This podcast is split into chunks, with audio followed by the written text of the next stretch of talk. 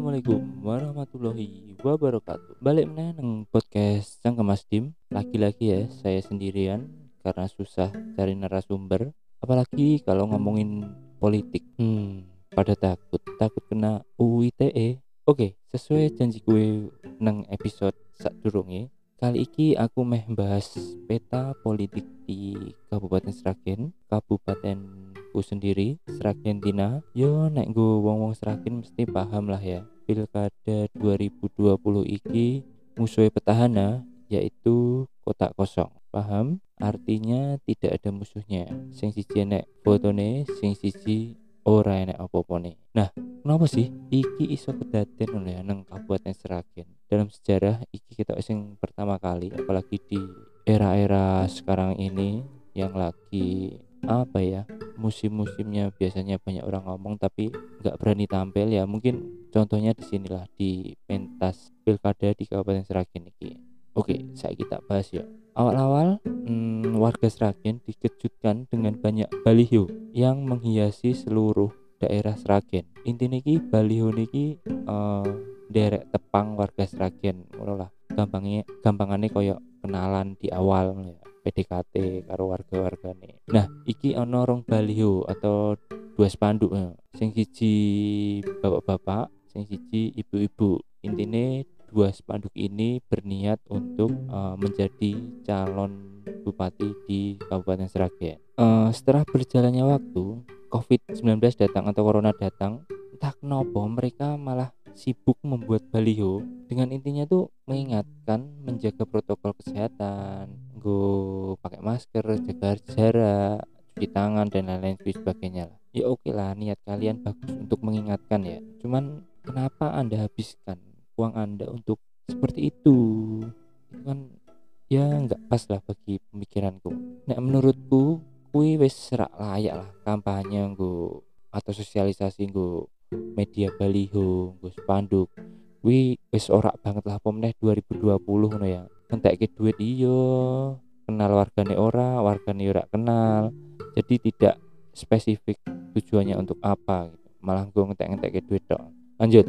Nah si bapak-bapak iki jadi mau nek dua ya ibu-ibu dan bapak-bapak ibu-ibu eh ngerti lah petahana nah si bapak-bapak iki mendaftar lewat beberapa partai dan go apa ya istilahnya untuk rekomendasi ben iso nyalonke sebagai calon bupati Sragen. Aku tidak nyebut partai lain jadi main aman wae lah ya daripada pas aku kuliah online didodok intel pintu omahku dok dok halo mas dimasnya ada? Ya dengan saya sendiri. Ayo ikut ke Polres Sragen. Kan barak lucu nih aku nyebut ke partai. Jadi uh, partai yang tempat mendaftar bapak-bapak ini akhirnya memutuskan untuk berkoalisi dengan beberapa partai lain dan mengusung calon petahana itu tadi ibu-ibu tadi.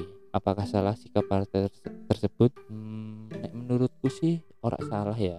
Politikku yang menunggu nek kita gak meyakinkan ngopo partai ini ngambil resiko nggo ngekei rekom neng bapak-bapak iki mau sing ya dengan alasan lain sebagainya lah oke satu partai tertutup untuk mendukung bapak-bapak iki mau. Nek neng Seragen jumlah anggota DPR piro kuwi lali apa pokoknya soalnya kan ada persyaratan untuk mencalonkan diri itu kan pres presiden threshold ya nek salah ya 25% nang parlemen atau DPR DPRD daerah. Mungkin mungkin 25% enggak salah biru aku lali nek ra cukup yo berarti harus berkoalisi dong. Jadi nek neng Sragen kuwi eh minimal dua partai berkoalisi wi wis cukup nggo nyalon ke bupati dan wakil bupati. Makanya Bapak Ibu mau mengetuk beberapa partai dan ada satu partai yang dia rumornya akan direkomendasikan ternyata malah menikung mendukung calon petahana.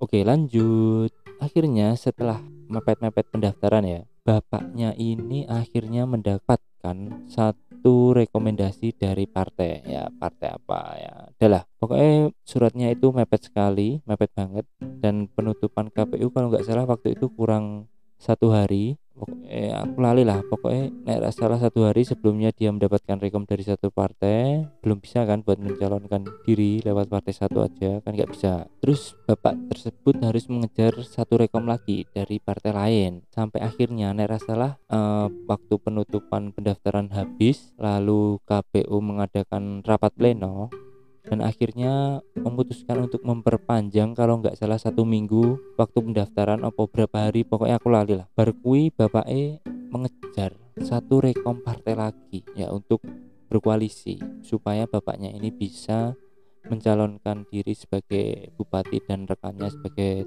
calon wakil bupati. Dan akhirnya plot twist banget ya. Dan akhirnya satu partai kui mau tidak memberikan rekomendasi dan memutus, memutuskan untuk abstain nang pemilu Kabupaten Seragen iki. Jadi yorak berkoalisi yorak berseberangan ora sebagai oposisi. Pokoknya wes bohlah nang dia nah, akhirnya Seragen kota kosong dengan calon bupati petahana sing saiki ya. Dan didukung hmm, banyak partai. Lali aku bilang soalnya oke banget sih mendukung. Ini saiki aku meh menganalisis kenapa iki bisa terjadi ya. Iki pure pendapatku pribadi sing gak duwe kepentingan apa-apa jadi engko nek di comot atau di apa ya ora mungkin sih podcast podcast ora terkenal jadi ya ora mungkin jadi bahan sesuatu lah. Iki analisisku pribadi pokoknya pertama menurutku bapak-bapak iki datang dengan tiba-tiba tanpa ada apa-apa tiba-tiba datang mau nyalon bupati.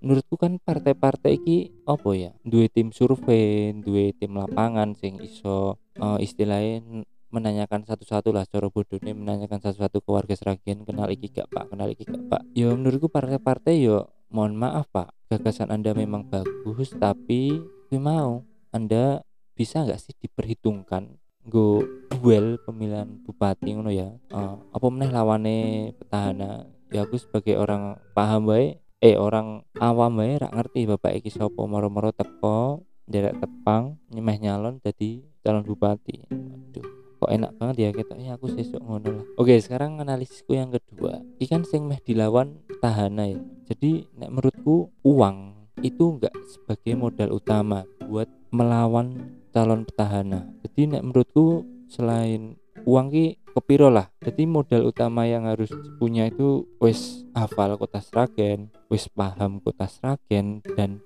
orangnya tuh familiar gitu di kota Sragen. Jadi enggak itu tadi enggak datang tiba-tiba lalu ingin nyalon. Ya mohon maaf Pak. Anda tidak familiar bagi warga Sragen apalagi saya. Saya saja tidak tahu Anda siapa. Tiba-tiba derek tepang dong. Apalagi ya sudah rahasia umum lah ya kalau Sragen ini sebagai dinasti. Hmm, ah sudahlah saya takut menyebut Oke, kui mau ya analisis yang aman gue disampaikan, gue sing dikonsumsi publik ya. Semoga nggak ono sing tersinggung dan tidak ada acara lapor-lapor ke polisi. Ini harapanku gue seragen ayolah muncul muncullah kaum kaum muda mudi di seragen gue peduli karo politikmu gue peduli karo kabupatenmu nek ra kowe 10 tahun 15 tahun ke depan sopo sing meh gagas Kabupaten Seragen ra ono to mosok aku tok sing gagas Kabupaten Seragen kan saya juga butuh bantuan-bantuan Anda ngono wis diakhiri wae podcast episode kali ini nek kesuwen malah gak aman podcast engko tinggo barang bukti tinggal pelaporan dan lain-lain. Sekian, tetap jaga kesehatan, jangan lupa olahraga, dan yang terpenting jangan lupa bahagia. Terima kasih. Wassalamualaikum warahmatullahi wabarakatuh.